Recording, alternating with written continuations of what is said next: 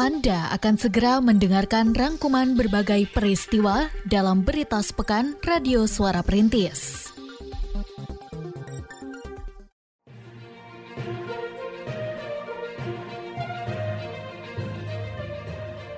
Berita sepekan Radio Suara Perintis FM Kota Sukabumi.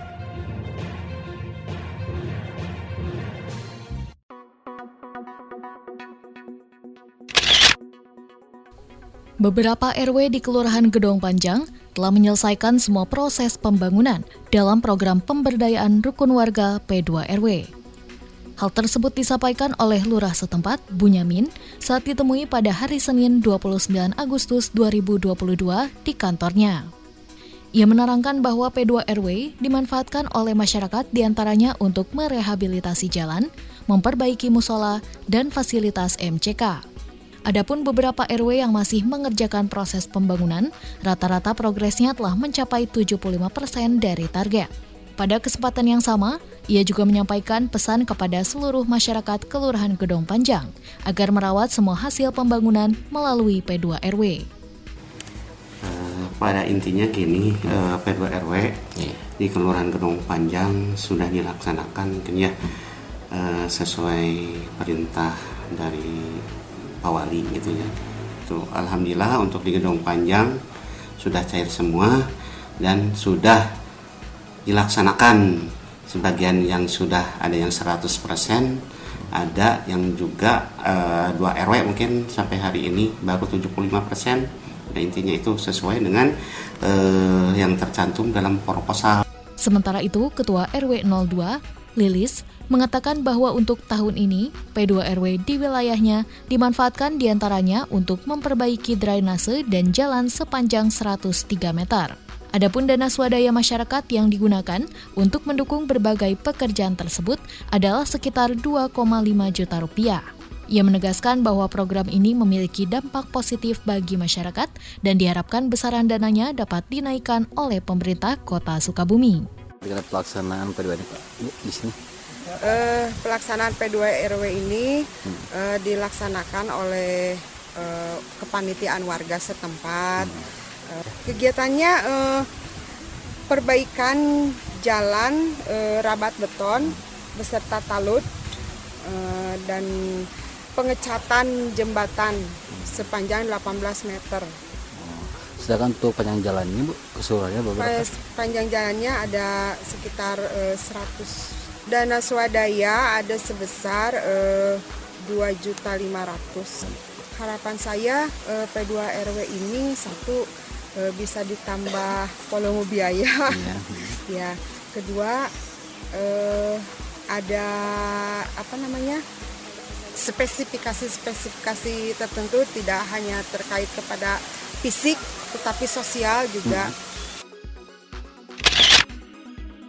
Sebanyak 533 orang tenaga guru yang lulus seleksi pegawai pemerintah dengan perjanjian kerja P3K di lingkungan pemerintah Kota Sukabumi akan segera menerima surat keputusan SK pengangkatan.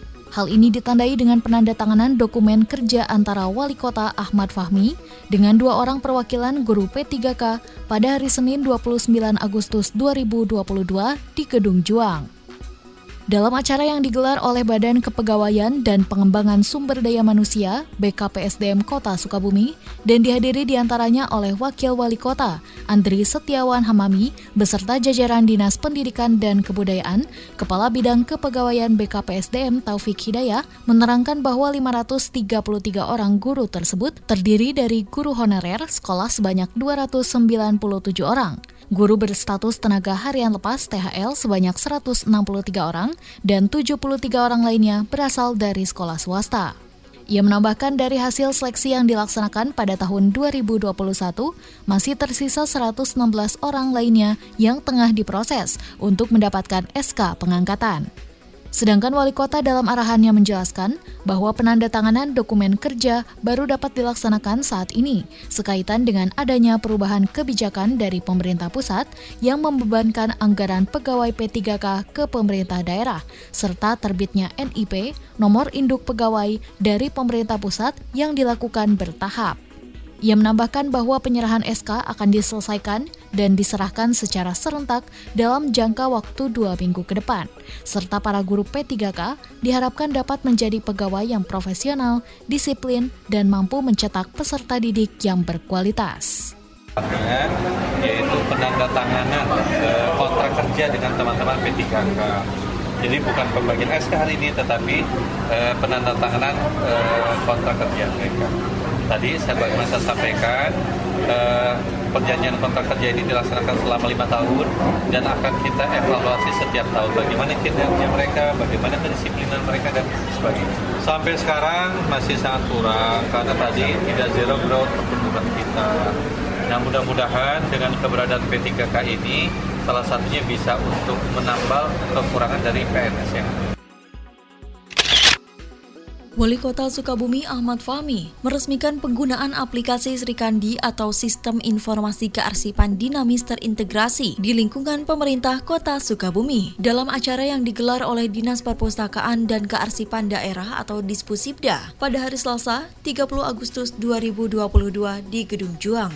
Acara yang bertajuk Live Launching Penerapan Aplikasi Srikandi versi 2 di lingkungan pemerintah Kota Sukabumi serta terselenggara berkat kerjasama berbagai pihak pihak, di antaranya Dinas Komunikasi dan Informatika Kota Sukabumi, dihadiri langsung oleh Kepala Arsip Nasional Republik Indonesia atau ANRI, Imam Gunarto, dan Kepala Dispusipda Jawa Barat, Hening Widyatmoko. Wali Kota pada kesempatan tersebut mengatakan penggunaan aplikasi ini merupakan tindak lanjut dari arahan Presiden Joko Widodo pada peringatan Hari Kearsipan ke-50 tahun lalu, bahwa pengelolaan arsip harus meninggalkan cara lama dan mulai menggunakan teknologi digital digital. Sedangkan Kepala Andri mengatakan bahwa sejauh ini aplikasi Srikandi telah digunakan oleh 75 instansi tingkat pusat dan daerah. Dan pada tahun 2024 ditargetkan semua instansi pemerintah telah menggunakan aplikasi yang dibangun oleh pihaknya bersama Kemenkominfo, Kemenpan RB, dan BSSN. Dijelaskannya bahwa arsip yang dibuat dalam aplikasi dengan sistem microservice sehingga memungkinkan diakses banyak user ini akan disimpan di pusat data nasional serta dijamin keamanannya oleh Badan Siber dan Sandi Negara.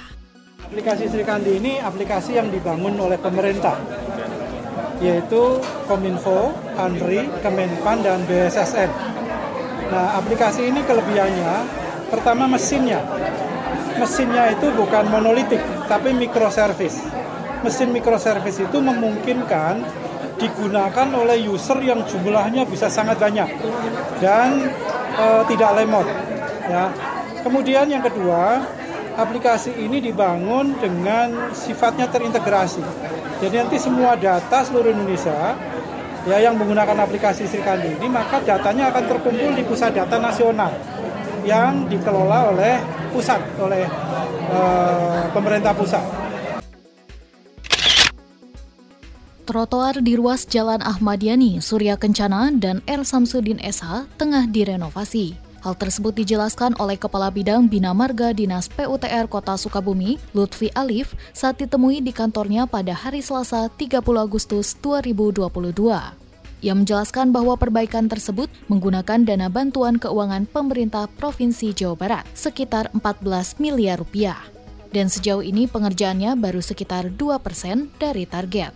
Ia menambahkan selain trotoar di tiga lokasi tersebut, pemerintah kota Sukabumi juga merencanakan memperbaiki trotoar Jalan Kapten Harun Kabir dan Ciwangi menggunakan anggaran perubahan.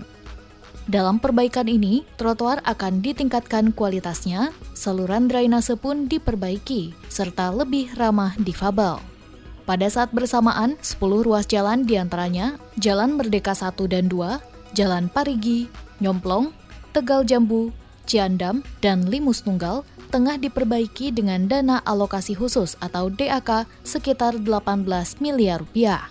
Adapun perbaikan jalan tersebut di antaranya mencakup perbaikan drainase dan pengaspalan.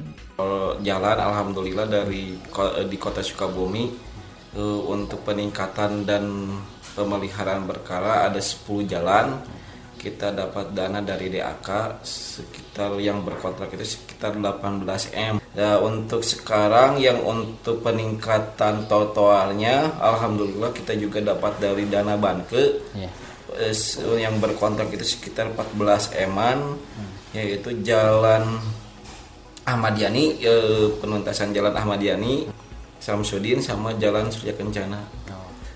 Kalau kita peningkatan itu dibongkar semua, hmm. jadi diga, e, bukan hanya diganti e, apa lantainya saja, tapi hmm. drainasenya kita perbaiki, e, apa trotoarnya kita perbaiki juga yang ramah di Dinas Kepemudaan, Olahraga dan Pariwisata di Sporapar Kota Sukabumi menggelar pelatihan digitalisasi branding bagi pelaku usaha pariwisata. Pelatihan yang dimulai sejak 30 Agustus 2022 dibuka secara resmi oleh Wali Kota Ahmad Fahmi di Hotel Taman Sari. Wali kota dalam sambutannya saat membuka pelatihan tersebut mengajak para peserta untuk terus meningkatkan kapasitas dan motivasi bergerak ke arah yang lebih baik dengan memanfaatkan teknologi digital. Melandainya situasi pandemi merupakan kesempatan yang harus dioptimalkan para pelaku usaha pariwisata, sehingga perekonomian akan bergerak dan kesejahteraan mereka pun meningkat. Sedangkan Kepala Bidang Pariwisata di Sporapar, Cesar Anwar, menjelaskan pelatihan yang diikuti oleh 40 orang peserta tersebut akan digelar selama tiga hari hingga 1 September mendatang, dengan narasumber di antaranya dari Sukabumi Info dan Politeknik Pariwisata Bandung.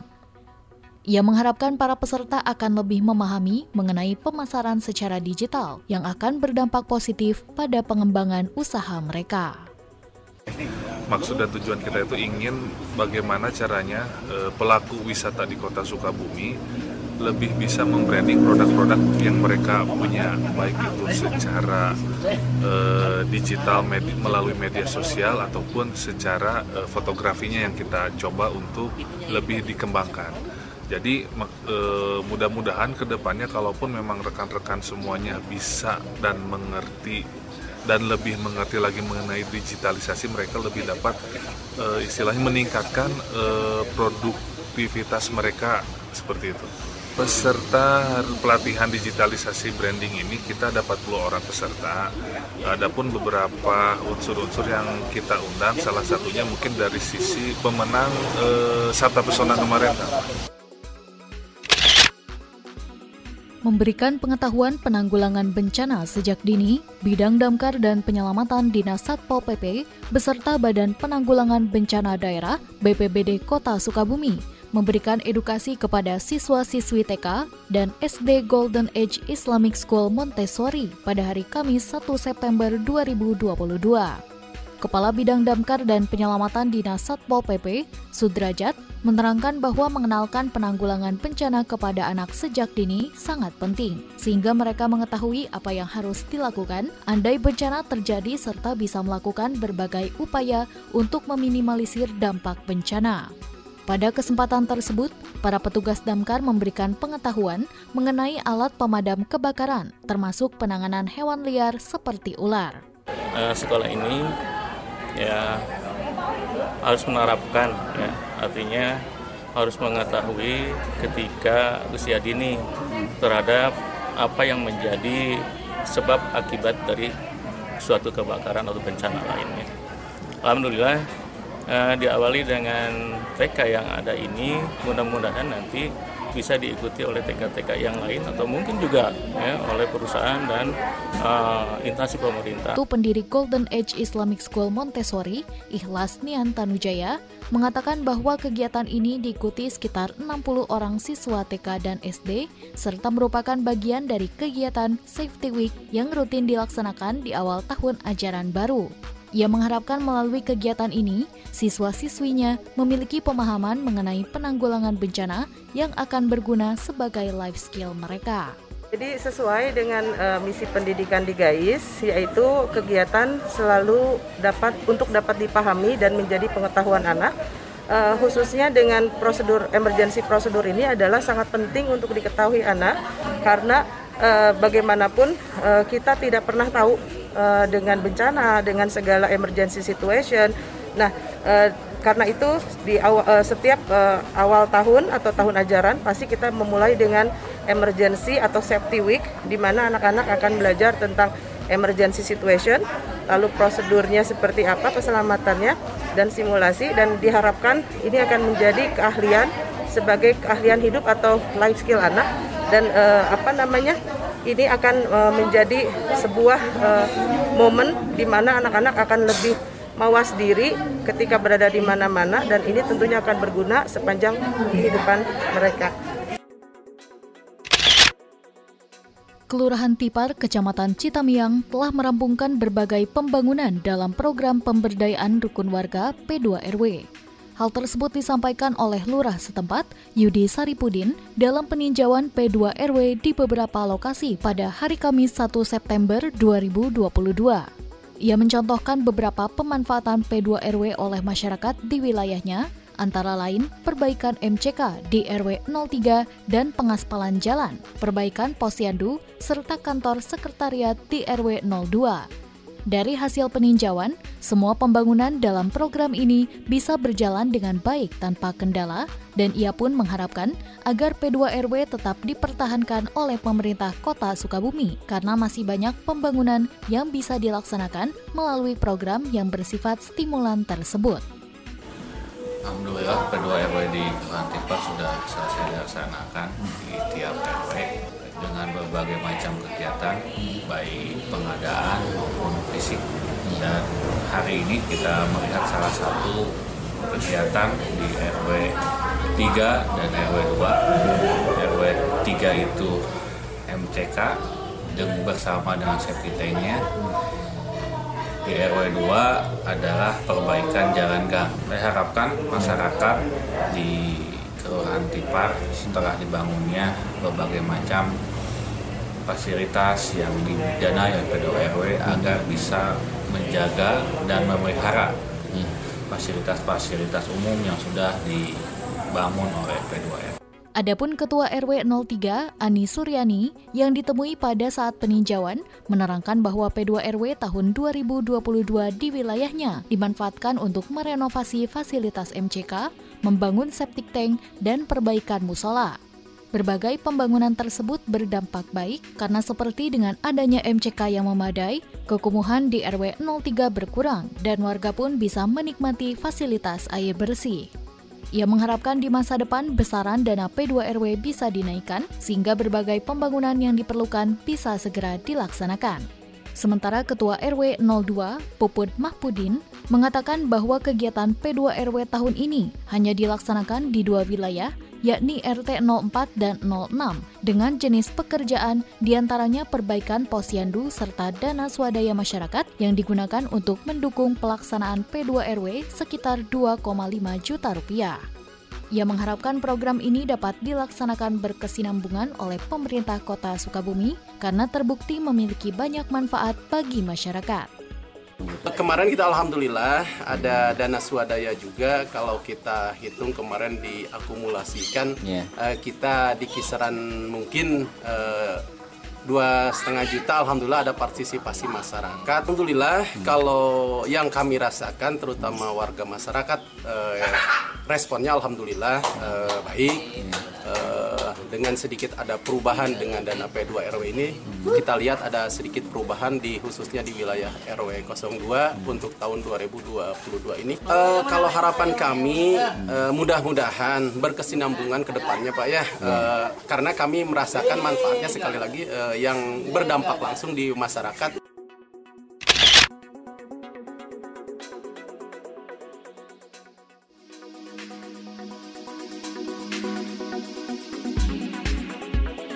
Demikian berita sepekan Radio Suara Perintis edisi kali ini.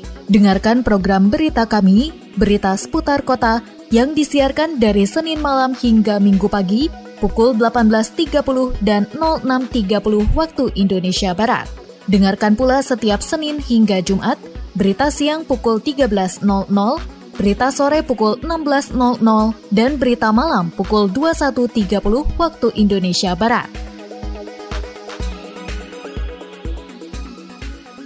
Terima kasih, sampai berjumpa di Berita Sepekan edisi selanjutnya.